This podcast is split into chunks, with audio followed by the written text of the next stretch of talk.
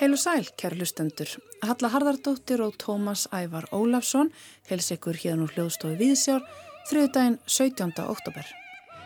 Það er engin önnur en Marja Callas sem opnar þáttinn í dag með ariunni O Don Fatale úr óperunni Don Carlos eftir Verdi. Við erum með hugan við óperu í dag meðal annars því óperudagar hefjast á fymtudag en auk þess hugum við að nýri bók um textilverk fyrir alda og myndlist sem fær fólk til að hugsa um viðkvæm personugögn og að flexa bæseppa. Elsa E. Guðjónsson var og er sennilega enn okkar helsti sérfræðingur á sviði textil og búningafræði og frumkvöld þegar kemur að textil rannsóknum hér á landi. Þegar hún lést árið 2010 skild hún eftir sig drög að handriti að bók þar sem að gerðar grein fyrir niðurstöðum rannsókna á íslenskum revilsöymi frá fyriröldum. Bókin hefur nú litið dagsins ljós og kallast með verkum handana en samstagskona Elsu, Lilja Sigurðardóttir, lauk við verkið með aðstof frá merði árnasinni. Í bókinni, sem er pritt fjöldateikninga og ljósmynda, er sagt frá 15 verkum og gerir Elsa grein fyrir tækni, myndefni og listrannu samhengi þeirra. Bókin er ekki aðeins upplýsandi, heldur einnig einstaklega vegleg og fögur. Við kynum okkur störf Elsu E. Guðjónsson í þætti dagsins með Lilju Sigurðardóttur. Óperudagar hefist nú á fymtudag, hátiðin fer fram víða um bæin en líka í tónlistarhúsinu Hörpu og stendur fram til 29. oktober. Þetta er í sjötta sinn sem óperudagar eru haldnir, kammer óperur, ópera í smíðum, félagsleg raunsæ skandinavísk ópera, singalong og langspilssmiðja eru meðal þess sem bóði verður upp á. Guja Sandholt er óperusönguna og aðal skipulegjandi dagana Hún verður tekinn tali í þættinum. Í listagaleríinu í átta við Tryggvagötu stendur yfir síningin á milli glugga og hörðar. Síningin er hópsíning fimm erlendra listakvenna sem nýta tungumálið sem kveiki og efni verka sinna. Í galeríinu tjá þær teksta með munlegum, skriflegum, teiknuðum og óhæðbundnum leiðum. Við heimsækjum galerið og ræðum við aðstóðar framkvæmdastjóra þess, Dóratiu Haldurstóttur um verk síningarinnar. En við hefjum þáttinn á bók sem þjóðminnasafnið var að gefa út með verkum Handana eftir Elsu E. Guðjónsson. Halla tók á móti reittstjóra hennar Lilju Sigurðardóttir.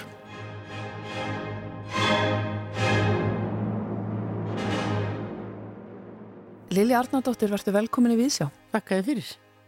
Og til hamingi með þessa fallegu bók. Já, þakkaði fyrir það. Hún er ekki bara fögur, þetta er stórvirki. Já, allt sem í henni er er merkilegt og það var allt lagt undir til þess að ganga frá þessu sem, á sem fegurstan máta. Já, það skýn í gegn og það skýn líka í gegn hvað öllum sem að koma að þessu verkefni þykir greinlega vænt um það. Já, ég held að það sé alveg rétt hjá þér og það er gott að þú komur auð á það og hafið orð á því vegna þess að það var einhvern veginn ekkert, það var ekkert gefið eftir. Nei, sko þetta er æfistarf okkar helsta textil sérfræðings Jörglandi? Já, hluti af því. Mm. Það, hún, sagt, strax þegar hún er í háskóla og sjönda áratögnum vestur í bandaríkjónum, þá fer hún sagt, að skoða þessa sömtækni og, og beinist einhvern veginn inn á þessar svona svolítið kvennabrautir að finna út hvað sé til eftir konur.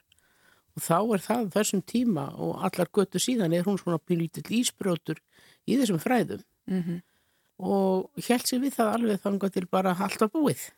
Einmitt, þið voru auðvitað unnuð náið saman og þú þekktir hana vel. Veistu hvaða var uppalega sem svona kveikti þennan áhuga hjá henni? Nei, það voru svolítið gaman en um daginn, við vorum með svona skemmtilegt útgáfahóf og þá talaði svonrennar fyrir höndfjölskyldunar, Kári Haldur, leikari eða leikstjóri og sagði einhvern veginn að kom inn á það að allt hennar lífi eða mikið af henni lífi hefði markast af tilviljunum og hún sem sagt siglir á eftir elskuga sínum ástrísárunum til bandaríkjana fer svo með lest yfir meilandi yfir til Seattle í Washington fylki. Og þá er þar bara fólk fyrir á fletti sem að einhvern veginn það var sem sagt maður spesialisti í norrænum fræðum.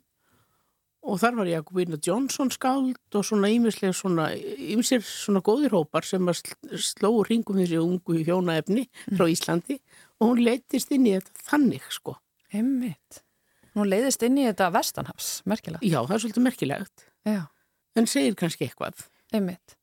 Sko, hún segir frá því ingangi bókarinnar að uppháðsorðunum að sko upphafið að þessari vinnu hafi verið mastersreitgerinnar sem hún var að vinna í 1961 í já, Seattle. Já, Þannig að það er svona grunnurinn af, af þessari bók. Já, Einmitt.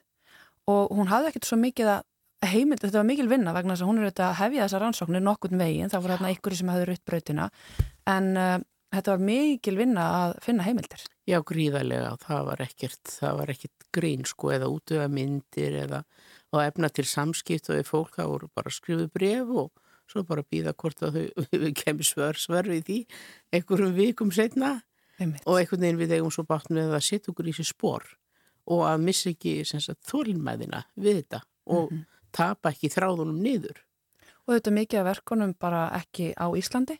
Já, svo er það nú líka. Það voru, hann, hún náttúrulega leggur áslá það að hún fer strax einhvern veginn eh, til fólksins sem þá var á þjóðminnisafninu og fer að skoða þessi verk þar og fær sendar myndir. Það var heldur ekki þannig að fólk væri að fara á milli landa. Hún fór bara vestur og svo kom bara heim þegar að stríði loknu. Mm. Og einhvern veginn þá tóks nú kallon sem þá voru í þjóðminnisafni, bara það voru allt kallmenn. Þeir sem sagt voru nú hérna höfðu áhuga þessu, sáu gildið í þessu og útvöðinu það efni sem að tiltækt var. Mm -hmm. Og einhvern veginn kom þetta svo bara vafðurstun inn í þennan VF sem er flókin og ömdið til samskipta við sérfræðing á meginlandinu og í, í norrannu löndunum. Mm -hmm. Það tók langan tíma og mikla þólumæði bæði af fjölskyldu hennar, samstarfsfólki sem fannst náttúrulega, skildi ekkert í því hvað þetta tækir langan tíma og hún var alltaf að byrta greinar um eitt, eitt og annað og mönnum fannst nú kannski og nættinu einbindi sér að þessum revilsömi. Jújú, jú, það var einhvern veginn svona í, það var í bakhöndin alltaf, Já, en það var margt annað sem hún gerði á sínu starfsfelli. einmitt. En tölum aðeins um fókus þessara bókar sem er revilsaumurinn. Kanski bara, sko það kemur fram í bókinni mitt að þetta orð revilsaumur, að það hafi í rauninni verið bara fallið í glimsku þegar að Sigurður nokkur málari hafi verið að tala um lýsa í texta revilsaumuðu alltærisklæði og þá notaði hann bróðið þetta er vandaður saumur. Já, og gamall íslensku saumur. Og, Já, gammel íslensk bróðeri. já, akkurat. Og það bara menn þekktu þetta ekki sko. Segir menn það voru bara, og, og tæknin var ekki þekkt, menn við sjú af þessum, það var nú þekktur reyfillin í bæju, náttúrulega, þessi stórkosliði listgripur. Og hann einhvern veginn í, í forsæti alla tíð, en í, á öðrum Norðurlöndum eru sambarlega ekki verka ekki til. Einmitt. En hvaðan koma fyrirmyndirnar hér ef við tölum aðeins um þessi verk? Fyrirmyndirnar, tæknin er líklegast komin alveg úr Östurlöndum nær og, og dreifist hér til Vesturlanda eitthvað tíman á miðöldum og, og síðan kannski er það hér á Íslandi sem dagar uppi sem tækni vegna þess að það voru búin til listaverk, veggreflar, vegtjöld sem voru hengt innan á veggi húsa, bæði kirkna og, og hérna, eins íbúðar hýpila. En í öðru löndum voru sambarileg kirkverk máluð með pensli. Mm -hmm. Þannig að framan all, öllurum í til dæmis Noregi og söðurum alla Evrópu þá voru svona sambarilega myndir málaðar og hengt framan á öllurinn. Hér mm -hmm. bara sátum við saum og byggum þetta til. Við þetta höfðum öllina. Við höfðum öllina og hún býr yfir þessum gríðarlega miklu kostum mm -hmm. og þekktum þess að tekna og henni var viðhaldið hér í, í miðstöðum, klaustrónum og í kringum biskustólana og hún rekur það svolítið í þessari bók hvernig sem sagt mm -hmm. út frá biskupstólnum og hólum og þá, það, þar er hægt að rekja spottana svolítið. Emmitt. Sko þessi verk handana sem að bókatillinu þetta vísar í uh, þetta eru verk kvennahanda allavega hér á Íslandi. Já, við vitum ekki annað það verður sent hægt einhvern veginn að nekja því held ég. Mm -hmm. Emmitt. Og þessi vinn átti sér fyrst og fremst að í klaustrunum eða já, og, já, og vinnustofum einhvers konar, einhvers konar smiðjum Mm -hmm. Á hólum eru merki um svona hannirða hús þar var ekki klaustur þannig að þetta var var framlislu vara, þetta var náttúrulega listsköpun Mm -hmm. og fyrirmyndir sóttar í handréttalýsingar og í prentar bækur sem voru gefnar út sem þegar eftir að prentun riður sér til rúms. Þannig að samsvararinnar eru víða í alls konar efni. Mm Sko taland um handritin, það hefur auðvitað verið mikill áhuga að rannsaka þau í gegnum tíðina. Uh, akkur heldur á þessi miðil, textilin, uh, hafi loti lagrahaldi fyrir þeim? Uh, hefur eitthvað að gera með þetta? Þetta eru kvenlegar hannirir. Já. Það held ég sko. Og ég er að vona það að hérna, þessi myndverk sem núna eh, við eigum og eru varfitt annar staðar þegar þau koma hér fyrir sjónir okkar allra þá svona íti þetta svolítið undir gildið líka og, og sem sagt, sessin sem þetta hefur, þetta hefur í listasögunni merkilegan sess. Sannarlega. Að segja mig Lili aðeins frá þinni aðkomu að verkinu. Já, hún er nú búin að vera nokkuð löng og mér finnst hún ekki löng. Það var þannig að árið 2006 þegar að var endur síningar í þjóðminnisafninu á textílum í safninu sem er safnið, þjóðminnisafnið er sem sagt mjög ríkt af íslenskum textílum og það er mikið brótir í alls konar og kallanir gömlu hérna á 19. öldin þeir komu auða á gildi þess og söfnuðu þessa mjög kerfisbundið. Sigurður Guðmusson hann eh, varð sér út um textíla sem að hann fannst merkilegir og við búum að því og safnis og þjóðminnisafni leggur áherslu á að sína náttúrulega eitthvað, eitthvað úr sínum sakkosti, þar, þar er gildið og þar er, þar, þar er hlutverkið. Þannig 2006 er hérna endil svona síningar í bóasal og síndar þar af eftir og alltaf í tjöld og alltaf er klæði og vegtjöld frá 17. og 18. öld og Elsa var þá sjálfskipuð náttúrulega að vera svona ráðgjafi það eins og ég er núna í þessu verki, ég er svona ráðgjafi það er mjög fínt titill og framhald að því að það var ákveð að gera samming við Elsu að, að, að le, leggja fram eh, skerf samsins til þess að koma þessari bók út og ég einhvern veginn tók að mér að vera svona tengilíður við hana og, og hjálpa henni þá var hún komin þannig á, í aldri að, að hún þurfti liðsinni. Þetta er ekki einsmannsverk. Safna þessu saman. Og að, með, meðan hún lifði þá, meðan hún lést 2010 þá var ég alltaf svona öðru hvora hjálp henni. Og það fór verkið fólks meðal annars því að færa gögn, skrifu gögn á gömlum diskum inn í nútíma tölvukerfi og svona, það, þetta er allt mögulegt og, og skrifa til útlanda, safna sínum úr, úr hérna klæðunum sem voru í útlöndum brefaskipti og heimildir út af peninga til þess að ranni sveitti styrk til þess að keira þessar C14 tímasetningar, kólefninsgreiningar Þar vorum við ans, ansið svona... Já, þær voru gerðar eftir hennar tíð eða hvað? Nei, þær voru geðað með hún lifði sem betur fyrr. Hún, hún upplifði það að... Já, hún náða að bera saman. Já, hún náða að bera saman. Einmitt. Og það sem er náttúrulega mjög skemmtilegt í þeim niðurstöðum er að hennar listfræðilegu, stílfræðilegu og skjallegu rannsóknir þær fara að mestul, falla mestuleiti saman þessar eðrisfræðir rannsóknir. Og það hlýtur að tæljast til tíðinda. Einmitt. Og sá hún fyrir sér þessa uppbyggingu bókanar, við erum hérna með svona ingang og, og svona aðfara orð og svo er þetta skipt í 15 kabla, það sést hver kabli um hvert, hvert verk. Algjörlega, hún var búin að búið til efnisiflitið. Mm. Algjörlega, og hún var búin að skrifa aðfara orðin eins og hún kallar hann minni með að formála Mm -hmm. og hann er undirritaður í april árið sem hún dó svo í loknóumber. Þannig einhvern veginn, það voru einhver, einhver aðeiri máttur sem fylgdi þessu með okkur að fá þetta allt saman í gegn. Einmitt. Og síðan þegar hún er nú fallin frá og, og þá fór ég svona eftir því sem hægt var í fullu starfi að fylgja þessu eftir en það var náttúrulega ekki neinn vinnubröð og því rauninni fyrir ég fór á eftirlun. Já, þetta er svona eftirlaunaverkefnið þitt. Þetta er eftirlaunaverkefnið, nú bara að finna næsta. Já, þetta lítur að vera góð tilfinning að skila þessu frá. Gríðarlega góð og Já. mjög skemmtileg samfinna við, við hérna, fjölskylduna sem að náttúrulega ber hag hennar fyrir brjóstu, hennar rannsókna. Sapnið náttúrulega gerði það sem þeir, þeir, þess valdi stóð og það að láta prenta svona bók er ekkit smá prosjekt. Mikið að fallegu myndum og virkilega vel hönnuð og falleg, fallegu gripur. Já, hún er það. Um, og svo verður síning á þessum verkum. Já. Það er nú eitthvað að laka til. Já, það er ansi merkilegt og rauninni svona í viltustu draumum hafði mann ekki getað dottið það í og það væri hægt. Það eru fjögur klæði sem eru í Kaupmannahöfn, var veitt í þjóðminninsafninu þar af eðlugum orsökum því á 19. öldinni voru þau sendið Kaupmannahöfnu til varfislu, öðruvísi hefðu kannski ekki verið til.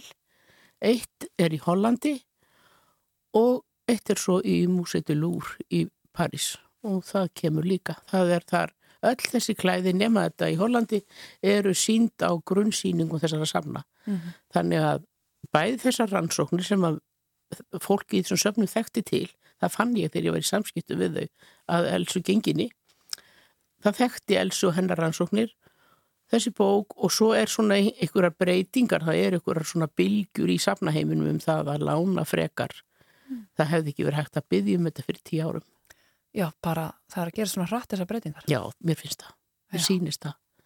Hvað, að, hvað veldur því? ég sem gömul safnamanniski held nú stundum að sé vegna þess að fólk eru síðan að taka til í, í safnunum sínum.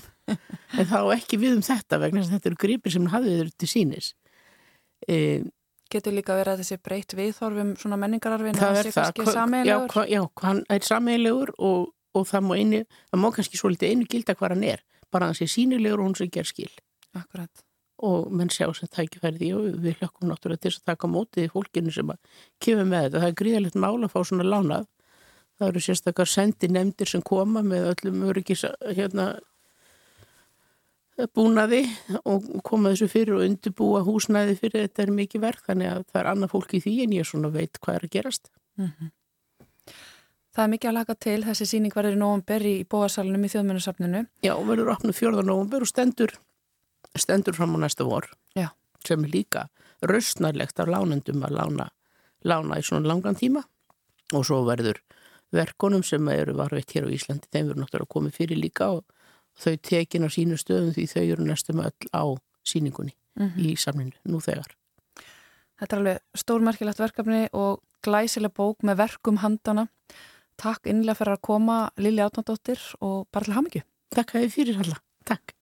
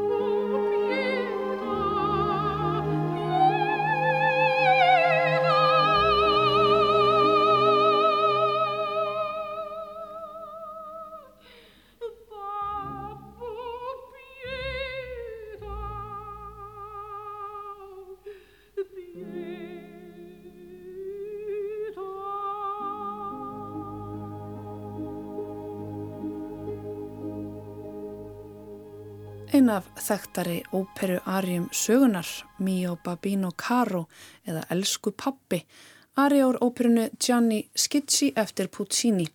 Hér í flutningi einnar mestu óperudífi sögunar Marju Callas undirstjórn Tullio Serafín árið 1954. Og það er ekki að ástæðu lausu að við erum með hugan við klassiska óperu því óperu dagar hefjast á fymtudaginn. Þar verður á bóðstólnum algjör klassik í bland við glænija framúrstefnu. Óperu dagar bjóða auk tónleikahalds upp á fyrirlestra, samsöng, smiðjur og fjölmart fleira, bæði í tónlistahúsinu Hörpu og víðar um borginna.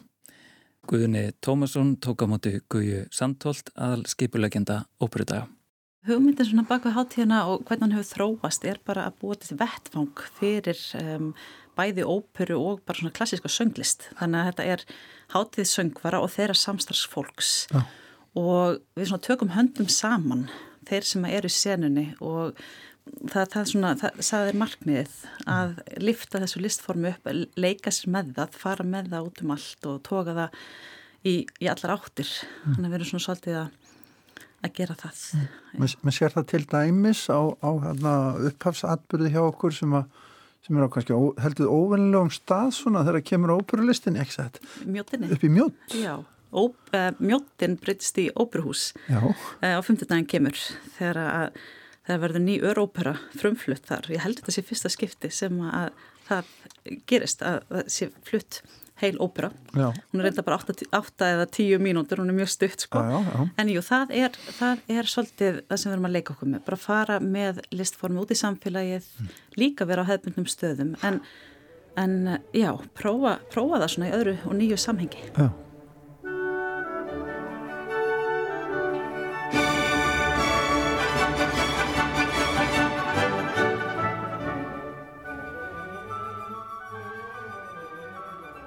En við kannski bara hugsaum um svona ímynd óperunar mm -hmm.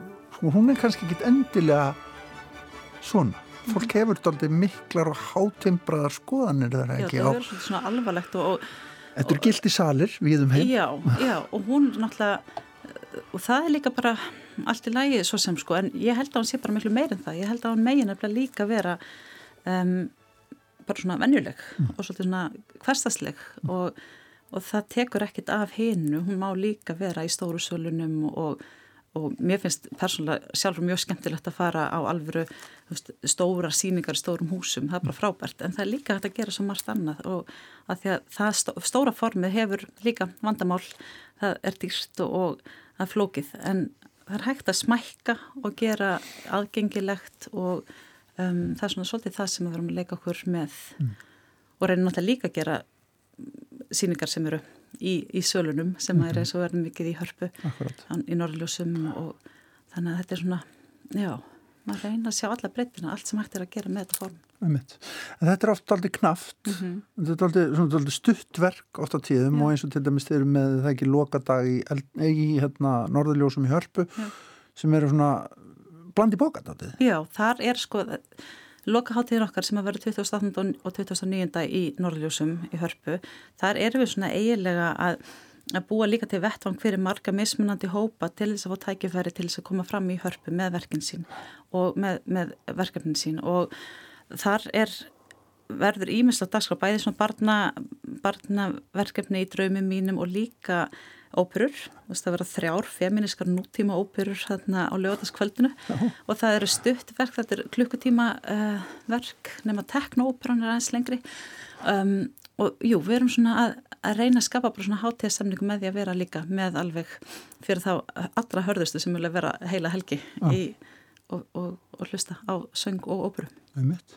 En það er líka reynda, mér finnst mjög mikilvægt að, ég veit að, að hátíðin heitir óperudagar en hún er í raun og veru samt sko bara háti klassiska söngvara og alls þess sem að þeir gera, það er alls ekki bara ópera heldur, þeir líka syngja í oratorium, við verðum með singalong í Hallgrímskirkja sem við flytjum Mozart Requiem og allir sem að vilja koma og syngja með geta gert það já. Uh, við erum með ljóðatónleika mikið af um, hátægistónleikum í hörpuhorni og, og þannig að allt, allt annað sem að klassíku söngvarnir er að taka sér fyrir hendur, við erum svolítið líka að, að leika okkur með það og fólk sem að hefur stundaklassískan um, klassist söngnám en er kannski hefur farið aðeins út í um, er að leika sér með, með uh, sönglistina eins og Svana sem verður með meksikósku meksikósku veisluna sína mm. það er svona bara útgangspunktur og rauðið þráðurinn er klassisk sönglist mm -hmm. og svo svona leiku okkur með hana mm -hmm.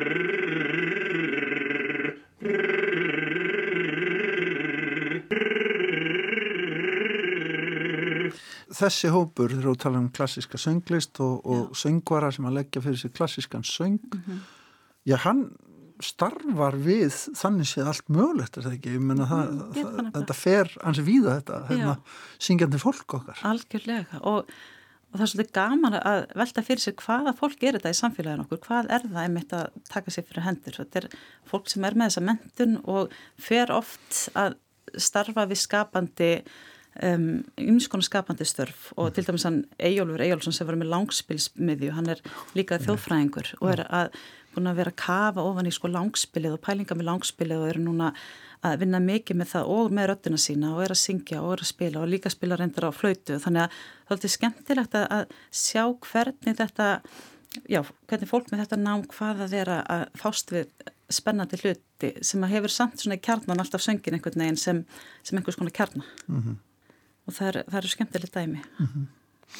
Sko nú er þetta hátíð sem að er tíu dagar laung og það eru, mhm. þetta, það eru tíu dagar, við skulum ekki taka því. En, eh, en hún auðvitað hefur ekki börðið til þess að kannski svona já, ráða mikið til sín. Þeir eru samt með svona eitthvað sem við kalla symbolíska fastráðningu tímabundna. Já, þetta er svona vera mjög smá líka aktivisma á hátíðinni.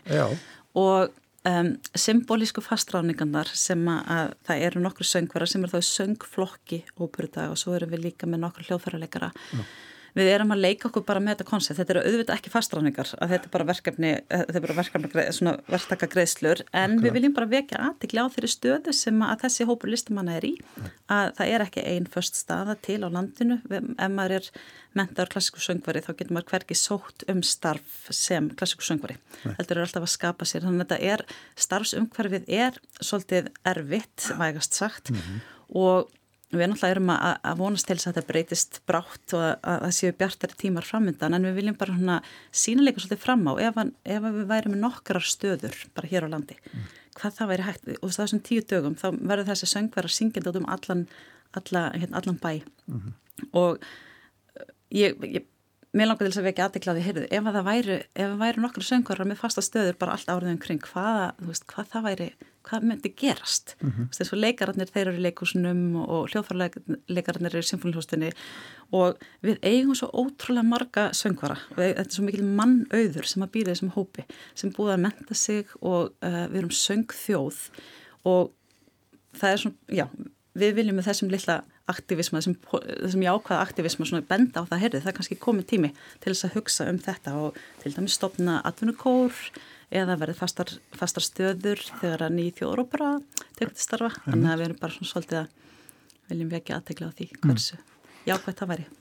Þannig kemur hún náttúrulega að já, hvað maður segja, svona heitri skoppandi karteflu í íslenskru menningarlífi og, og undanförnum dögum, já. auðvitað náttúrulega ekki allir sem fylgjast með umræðinni þegar kemur að þessum hugmyndum um stopnun íslenskrar þjóðaróperu mm. og hvort að eigi að byggja hana á grunni íslensku óperunar sem fyrir er, sem er öðruvísir ekstra form út í bæ og mm og sumi spyrja sig hvernig er hægt að, að byggja íslenska þjóðarópera á öðrum grunni en endilega íslensku óperunni en þú veist, ef ég kannski spyrði þig um þessa umræðu yeah.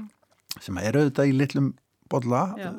sem að, hérna, við kannski erum ágætlega inn í mm -hmm. en, en svona einn breyði almenningur er ekki mikið að setja sig inn í hvernig snýr hún að söngurum bara svona sem að eru að koma undir sig fótunum í dag uh, svona bara þessi umræða og, og að fókusin skuli þó vera þetta mingill á, á, hérna, á þetta átaka má mm -hmm. Sko mér finnst eins og bara þeir söngvara veganubla það er komin svona ný kynslu svolítið af ungum söngvarum sem búið að fara margi sem eru búin að stunda nám erlendis og hafa samt ákveðið að búa hér og starfa. Og þetta er óbúslega flott fólk sem að alltaf vil bara geta stunda sína vinnu. Og mér finnst svona almennt uh, þau vera ofsalega jákvæð bara fyrir þessar umræðu og þessum áformum sem eru í gangi og, og ég held að já, þau ganga eftir þá, þá er framtíðin mjög björt mm. og þannig að ég finn bara fyrir aðalega fyrir jákvæðinni sko allavega frá þessum hópi mm -hmm. og miklu meira hluta söngvara verði ég að segja já. frá þeim hópi sem ég tilheyri Svona hvort þessum plönum um nýja stopnun sem er Íslandsk þjóður Já, bara svona það sem að rekstra umhverfið að gagsara og, og og bara hérna, meira kannski lagt í það sem verður áherslu líka meiri framleyslu mm -hmm. og, og um, og, og bara meiri samfellu í síningum, ég held að það er líka það sem við þurfum, þurfum að vera með fleiri síningar fyrir almenning svo að þeir e, fái möguleika til þess að koma og horfa og upplifa listformi ef það, bara, ef það eru mjög fáar síningar á hverju ári þá náttúrulega bara myndast svona myndast kannski ekki mikil hefð eða mm. Þá missir listformi mikilvægi sitt held ég í ef það væri bara eina að tvær leiksýning á ári Já, hvað myndi gerast þá? Já, hvað myndi gerast þá? Og engin samfur á milli húsa nei, eða? Nei, þannig að mér finnst, ég er ofsalega spennt fyrir þessum form, áformum og mjög jákvæð í, í garð þeirra, var ég að segja.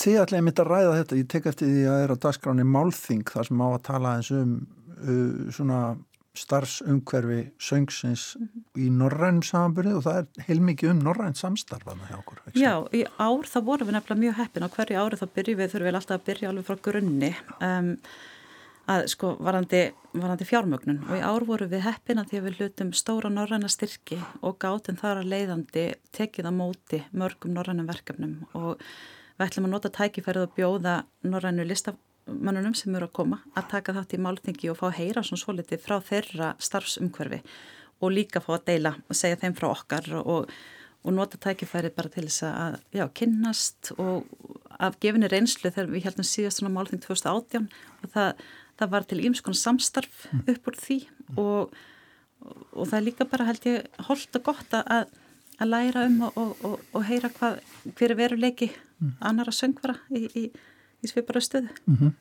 Og ég sá þarna líka talandu um norræn svona samstagsverkefni, mm -hmm. þannig meðan hans ópera um norræna velferðarkerfið. Já, þetta er norsk-íslensk ópera þannig að Gísla Jóhann eh, Gretarsson sem að verður flutt í Kaldalóni og þau eru með, já, um skandinaviska velferðarkerfið, gaman ópera. Þetta er bara systemið? Já, þetta er bara systemið sko og um, Gísli, Gísli Jóhann sem er búin að vera mikið í bæði Svíþjóð og Noregi er að koma sér satt með sitt samstarfsfólk mm. núna og verður með óperuna í Kaldalóni og með e, það er kór eldri borgara sem að kórin góðir grannar ætla að syngja það er hlutverk sem satt mm -hmm. og þetta svona, gerist bara á byðstofu og ég hlakka mikið til, ég er ekki búin að sjá hana sjálf, mm -hmm. þannig að þetta er svona dæmi um nýsköpun og líka efniviðin sem að óbreformið er sem hægt er að nota óbreformið í að taka eitthvað sem er bara hlut af okkar veruleika ekki endilega um, þetta, við erum ekki bara að setja upp gömlu, gömlu óbyrnar upp aftur og aftur heldur að fást við já, hverstasleikan og semja óbyrur um hann Ó. Þannig að í og með og maður sér það að undir ansi mörgum verkefnum hann er einhvers konar hugmyndum líka hvað má segja, mentunar hlutverk mm -hmm. ekki bara gagvart okkur hlustandunum sem komum í heimsóttn og hlust, njótum, heldur, heldur líka kannski gagvart græsrótunni sjálfi um hvað hverslasverkefni er hægt að Já. gera Já, og líka bara svona faglega að, hérna, að spyrja okkur spurninga hvernig getur við þetta, er, þetta er, getur verið flókið form og hvað getur við sem listamenn gert til þess að finna nýjar leiðir og, og búið til nýjan vettfang og, og nýjar leiðir til þess að leika okkur með formið okkar. Þannig já, við reynum að hafa svona faglegt samstarf og um, að, að, að stekka tengslanetti og það fælst líka bara í því að starfa saman að fólki sem að starfar hér í íslensku senunni kynnist mm -hmm. og, um, og það er nefnilega oft einhvern veginn sem að maður kannski, maður er búin að vita af einhverjum lengi en maður hefur ekki kynst. Við erum, við erum ég held að hátíðin, hátíðin er líka með það markmið að við sem að bara erum hér að við, við þekkjum, þekkjum hvert annað og kynnumst mm. og það er svona svolítið þannig að þess að við erum líka með svona umræðu tónleika bara spjalla um, um fæð okkar mm. um listformið okkar mm. ég held að það sé mikilvægt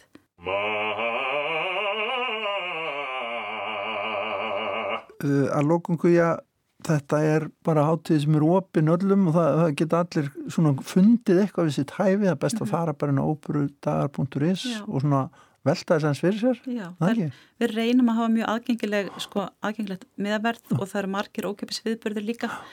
Ókipis stofutónleikar í ráðhúsinu og hátegistónleikarnir eru ókipis og við erum líka að reyna að fara það er mjög mikil samfélagslegur fókus þannig við reynum að fara að hitta fyrir líka viðkvamari hópa við erum með lokaði viðbörði fyrir þá. Mm og svo eru viðburðnir sem eru með miðasölu reynum að halda í hérna í uh, góðu meðal, meðalhófi. Já, bara til þess að, að að reynda líka kjarni háttíðunar og svona yfirskrift háttíðunar er í ár við erum öll sem að er uh, tengt uh, verkefni sem að um, verður flutt á umræðatónleikunum við erum öll áhörfundur og við erum öll lík og við erum öll ólík og við eigum líka öll bara um, við eigum það skilið að fá að geta notið menningar þannig að við reynum emitt þannig að ekki miklu áherslu að, að, að allir geti, geti notið mm -hmm.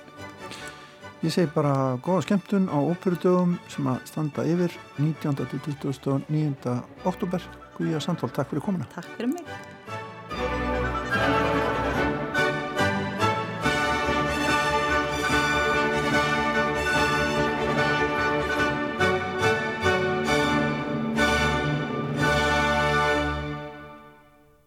Nokkri taktar úr einum frægasta óperu forleik allra tíma, forleiknum að brúðkaupi Fíkarós eftir Mozart. Hér á eftir spjalli Guðuna Tómassonar við Guðju Sandolt sem er aðal skipuleikjandi óperudaga sem hefjast á fymtudag. Verða settir í mjót klukkan 17 en best er að kynna sér allt sem bóðu verður upp á á dögunum inn á vefnum óperudagar.is. Og úr óperunni förum við yfir í myndlistuna.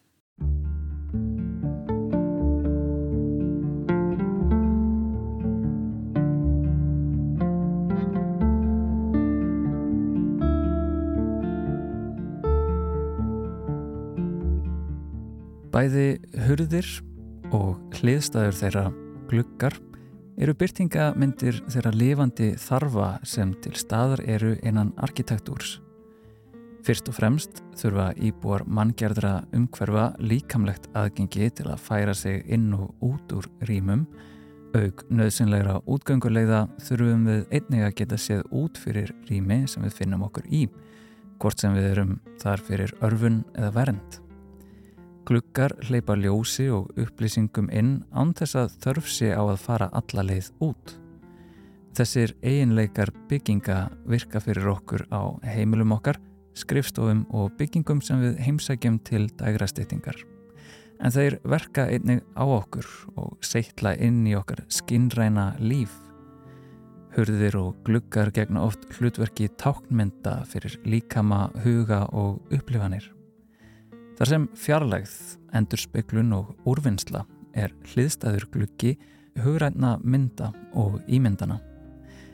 Þar sem gjörð, gefin til kynna af reyfingu og breytingu, er myndræn hurð sem leggur til möguleg kynni og raunverulega líkamlega virkni. Svona hefst síningateksti B. Ingridar Olsson, sjónlistamanns á síningunni á milli glukka og hurðar sem er nú opinn gestum og gangandi í gallerínu í átta á Tryggvagötu.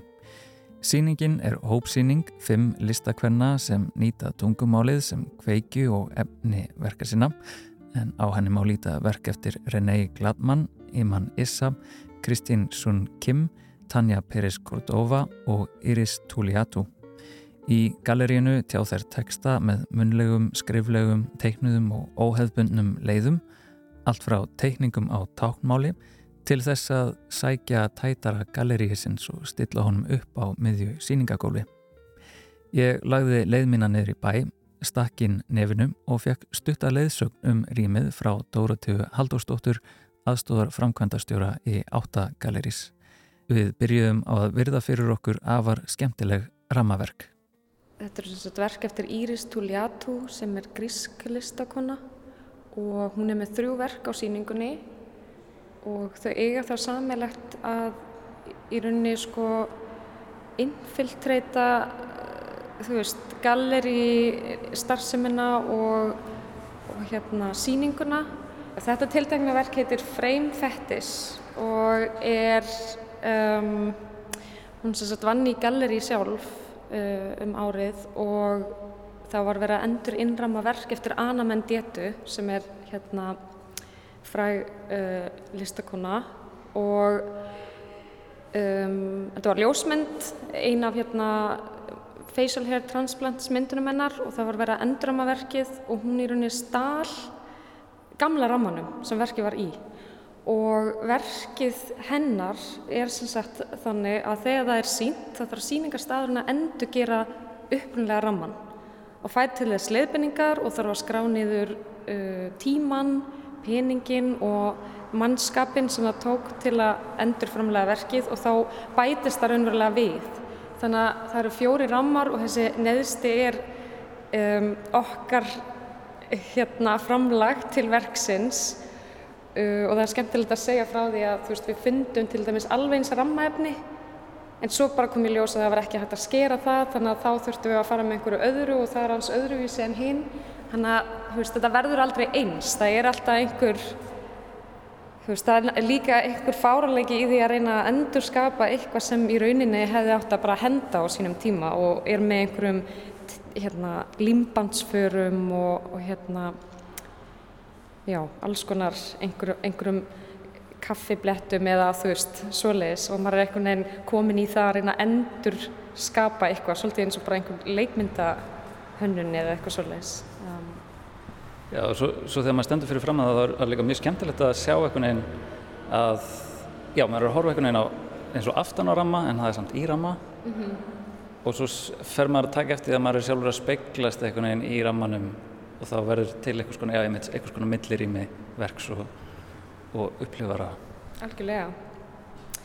Uh, svo erum við hérna annað verk sem er, það heitir Score for Refuse og þetta verk er uh, tætari sem stendur við galleri gluggan, stóra galleri gluggan hérna við Tryggvagötu og, og þeir sem lappa fram hjá já, þetta er kannski svona fyrsta sem maður sér bara inn um gluggan á galleríunu og af og til þá gerist það að dírektorinn eða hérna, fjármálastjórun okkar er að reyna að eigða viðkomum upplýsingum og þá neyðist það til þess að í rauninni lappa hinga fram og gera það svona fyrir framann allra augum. Og þetta er unverulega hérna tætarinn sem eh, er vanilega inn á skrifstu þannig að það er bara búið að færa hann inn í já, sko sama hlutverk en annað rými. Þannig að þetta er svona, þarna er hún sko að hafa áhrif á okkar sko starfsemi uh, með þessum svona gjörningi.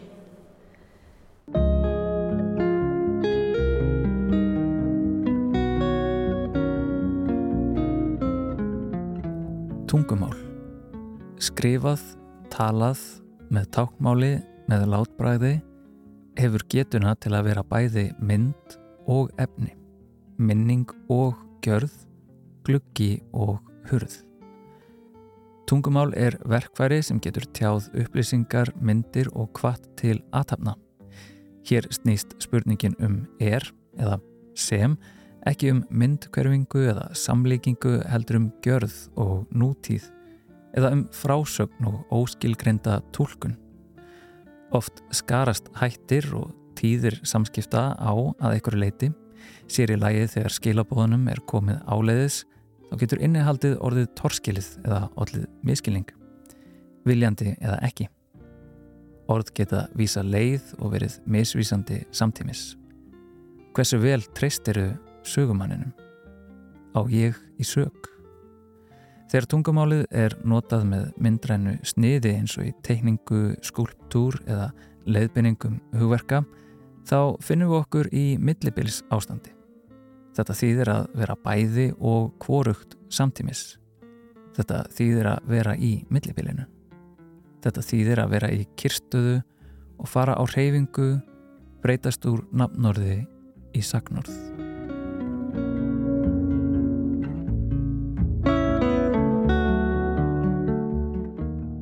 Svo er hérna uh, þrjú verk eftir Kristín Sun Kim sem er bandarisk listakona og býr í Berlín og hún er hluti af hérna deaf community, hún sem sagt er með skerta eða enga hyrn og verkin hennar tækla svolítið hérna sambandi milli þess að vera ekki með hyrn og þú veist, uh, sko signified and signifier, þú veist. Um, í þessum verkum þá er hún að taka orðið echo á American Sign Language sem virkar þannig að maður tappar pálmannum á höndinni og þetta eru kólateikningar og maður sér veist, það er hérna í hverju horninu af teikningunni stendur hand og palm og hún er í rauninni að þú veist, við lesum þetta en samt er þetta, þú veist, handmerki þannig að þetta, þetta samtal í rauninni sem við eigum og á móti og svo ekko er þetta í rauninni í gegnum verkið. Það er svolítið erfitt að útskýra þetta.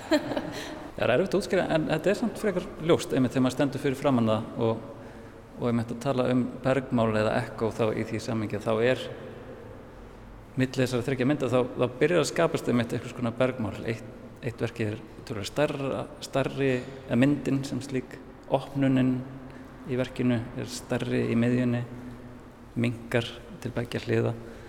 Einni milli sko þín sem í rauninni lestað og svo eru þú veist að því að þetta kemur alltaf aftur og aftur þannig að auga þitt leita líka einhvern veginn kannski eins og einhvers konar ekko fyrir mér allavega.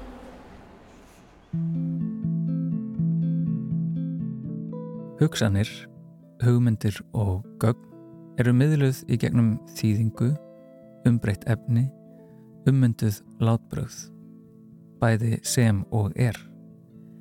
Gæti verið til eitthvað nýtt kerfi fyrir samskipti eitthvað sem er á milli hurðar og glögga, lekandi ílát, huglæg heimild, óljóst látbrað, búðótt leðsla, ósamræmt atriðaskrá, smávægileg fyrirstaða, tvíliða verkværi. Týndi ég staðnum mínum, er þetta hann.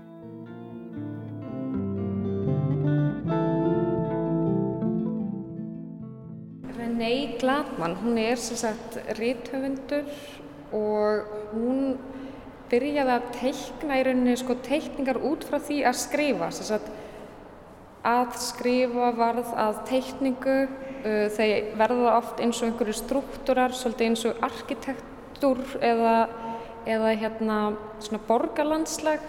Maður sér það svolítið í hérna í því hvernig þú veist blíjandurinn og, og teikningin sko uh, ferðast en einnig er oft sko, eins og það sé texti en hann er ólesanlegur. Þetta er þess að ekki orð, þetta er svona eins og okkar anatómísk, anatómísk skrif, eitthvað sem kemur frjálst til hennar.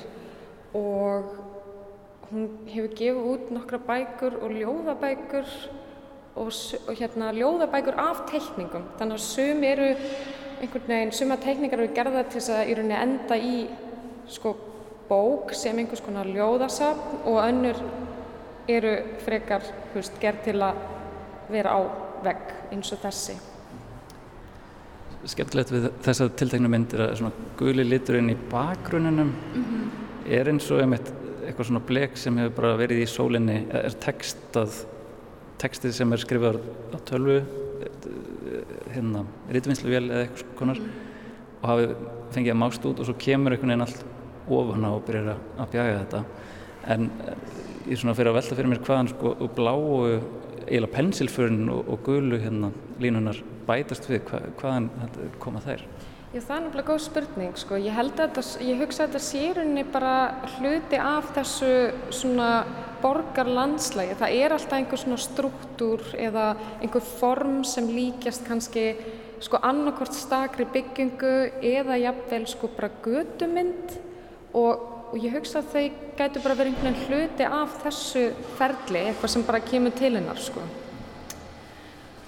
Sérst kannski líka í þessum verkum, veist, hér er alveg eins og maður sé einhvern veginn inn í einhverju veist, borgarmynd og maður það kannski bara sjálfur einhvern veginn að meta, eða þú veist, sjálfur að tólka hvað maður sér út úr því sko.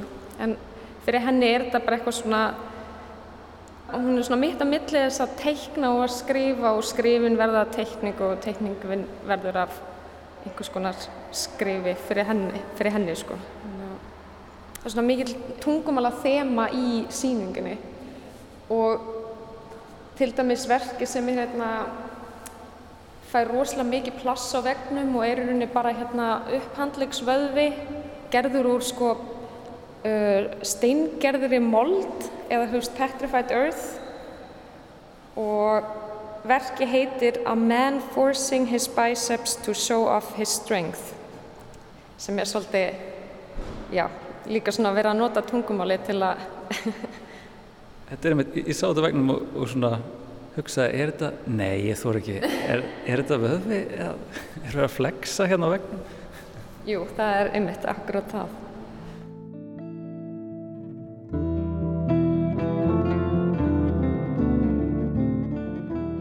Já, það er verið að flexa í, í áttagalleri við Tryggagötu um þessar myndir. Sýningin á milli glukka og hurðar er þar opinn öllum til 4. november en hún er hópsýning fimm listakvenna, René Gladmann, Iman Issa, Kristín Sun Kim, Tanja Peris Cordova og Iris Tuliatu.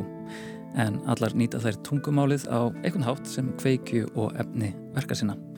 Sýningatekstin sem var lesin í einslægi er eftir B. Ingrid Olsson, listamann. Og hér er það komið að lókum við sér í dag. Við endum þáttinn líktu við Hófumann í óperunni með Marju Callas. Nú syngur hún Arjuna Ó Núme Titular úr La Vestale, óperu frá 1807 eftir Gaspare Spontini. Við Tómas og Halla þaukum fyrir í dag. Við verðum hér á sama tíma morgun og auðvitað hvenna sem er í spilararúf. Takk fyrir að hlusta og veriði sæl.